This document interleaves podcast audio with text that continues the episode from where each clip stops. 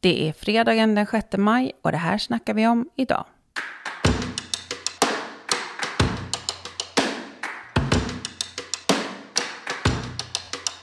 I Indien flyr människor nu undan solen eftersom värmen är så hög att asfalten smälter.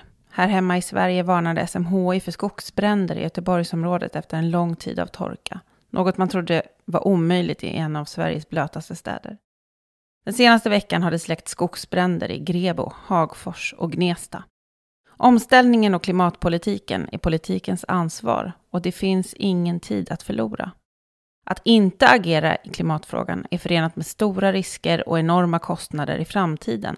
Den tid, de resurser och arbetade timmar vi har förlorat genom att inte prioritera klimatet kommer inte igen. Nu måste politikens ansvar utkrävas. Stora klimatinvesteringar måste till och omfatta flera områden. Om detta ska vi snacka idag. I studion finns jag, Anna Herdy, och min gäst, Vänsterpartiets ekonomisk-politiska talesperson Ali Esbati. Välkommen Ali.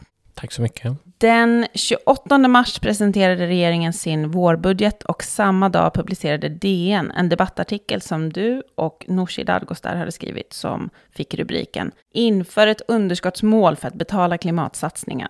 I den menar ni att Sverige behöver ett massivt klimatomställningsprogram. För många är de 700 miljarder som ni föreslår en mycket svår siffra att greppa. Hur ska ni få fram 700 miljarder och vad vill Vänsterpartiet göra för dem? Ja, jag tror att det är bäst att börja med att säga vad vi vill göra. Eh, och eh, det här är ett eh, investeringsprogram eller en ram för investeringar som, som handlar om att göra väldigt mycket på tre områden. Och det är tre områden som är de där de territoriella utsläppen, alltså utsläppen här i Sverige, är störst. Eh, och då är det transportsektorn, eh, det är eh, elöverföring och kapacitet och produktion av el. Och så är det bostadssektorn. Då. Och där är det helt enkelt så att det behövs väldigt mycket. Vi har låtit bli att göra en hel del nödvändiga satsningar för att upprätthålla den infrastrukturen. Och vi behöver definitivt accelerera takten i vad vi gör för att ha en chans att klara de eh, viktiga klimatmål som, eh, som eh, måste nås om vi ska undvika ytterligare katastrofala utvecklingstendenser eh, gällande klimatet. Och genom att göra det på det här sättet så får vi, får vi också eh, ett samhälle som är bättre och, och rikare och starkare. Menar, det är så att vi kommer att behöva leva liv som är annorlunda. Men genom att göra det på det här sättet så kan vi säga att det också kan bli bättre på många sätt. Då. Och då handlar det om exempelvis inom transportområdet att vi har möjlighet att både bygga ut höghastighetstågen och rusta upp en hel del befintlig, eh, framförallt järnvägsinfrastruktur. Det behövs dubbelspår på ett antal ställen fyrspår mellan Stockholm och Uppsala. Det handlar om, om Malmbanan. Det är, det är många ställen där det väldigt konkret finns eh, planer som borde kunna förverkligas. Inom elöverföringskapaciteten så behövs det också att man gör så för att den här eh, nyindustrialiseringen som delvis är på gång av eh, bland annat av, av norra Sverige ska kunna genomföras på ett tillräckligt snabbt sätt. Och inom bostadssektorn så handlar det både om att nya bostäder som byggs byggs klimatsmart, men också eh, omfattande satsningar på att befintligt fastighetsbestånd ska bli eh, klimatanpassat. Då. Och det här är saker som, som alltså behöver göras. Eh, frågan är då, har vi råd med det? Och, och, där är svaret väldigt tydligt. Vi har entydigt råd med det om vi inte sätter eh, egna käppar i hjulet för detta.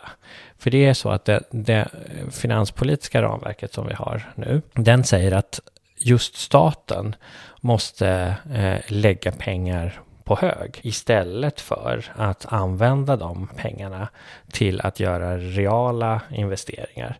Och det där kan ju vara rimligt om det är så att man inte till exempel vet vad det är man ska göra för pengarna. Om man har en situation där det skulle leda till något slags fritt fall för, för ekonomin och ökningar i, i räntekostnader. Men vi är absolut inte där. Vi är väldigt, väldigt långt bort från det. Tvärtom så är vi i en situation där minskningen av det som kallas för den svenska statsskulden är helt eh, orimlig och eh, innebär egentligen då helt enkelt att staten avsäger sig både möjligheten och ansvaret för att göra nödvändiga satsningar.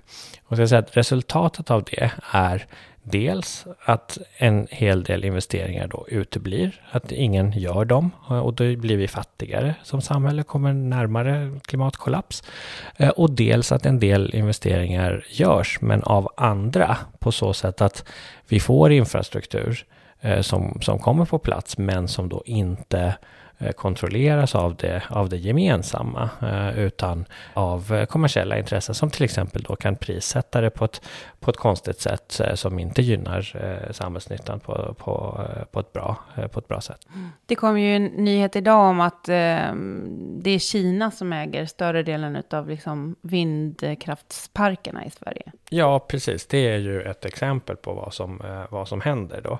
Eh, att behoven finns där, investeringarna görs och så kommer det via marknadens sätt att fungera pengar från annat håll som då till exempel kan vara andra stater då eh, i det här fallet kanske inte stater som vi jättegärna vill ska äga vår eh, vindkraftspark. Så att egentligen så menar du att de här 700 miljarderna de ska man se framför sig i form av eh, tågspår, i form av fler bostäder och klimatsäkrade bostäder och större elkapacitet och elnät i Sverige?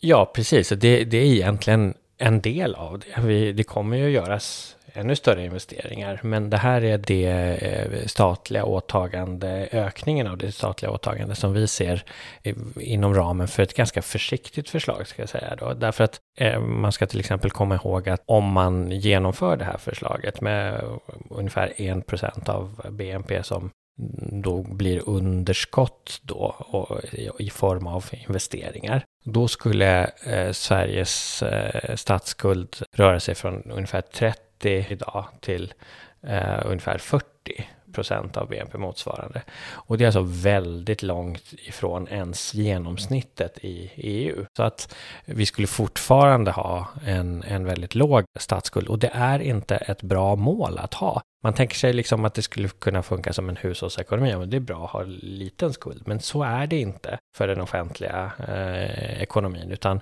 det är bara bra att ha eh, lägre offentlig eh, skuldsättning om det är så att man inte vet vad de pengarna man då skulle använda till skulle användas till. Alltså var hamnar de? Eh, och vad ger det då för så att säga avkastning i så fall i form av bättre livskvalitet, men i det här fallet också i, far, i form av att vi gör det som behöver göras för att vi inte ska, ja, gå under som den civilisation vi känner till. Och det tycker jag är ganska rimligt sak att satsa pengar på. För du pratar om staten och statens ansvar och att man liksom, det är ett ansvar som staten måste ta för att vi också ska kunna leva vidare och sådär. Men vem ska se till att det här görs? Vad, har vi någon kontroll över de här investeringarna? Ska allt göras från staten? Hur ska det gå till? Nej, men det är en jättebra fråga.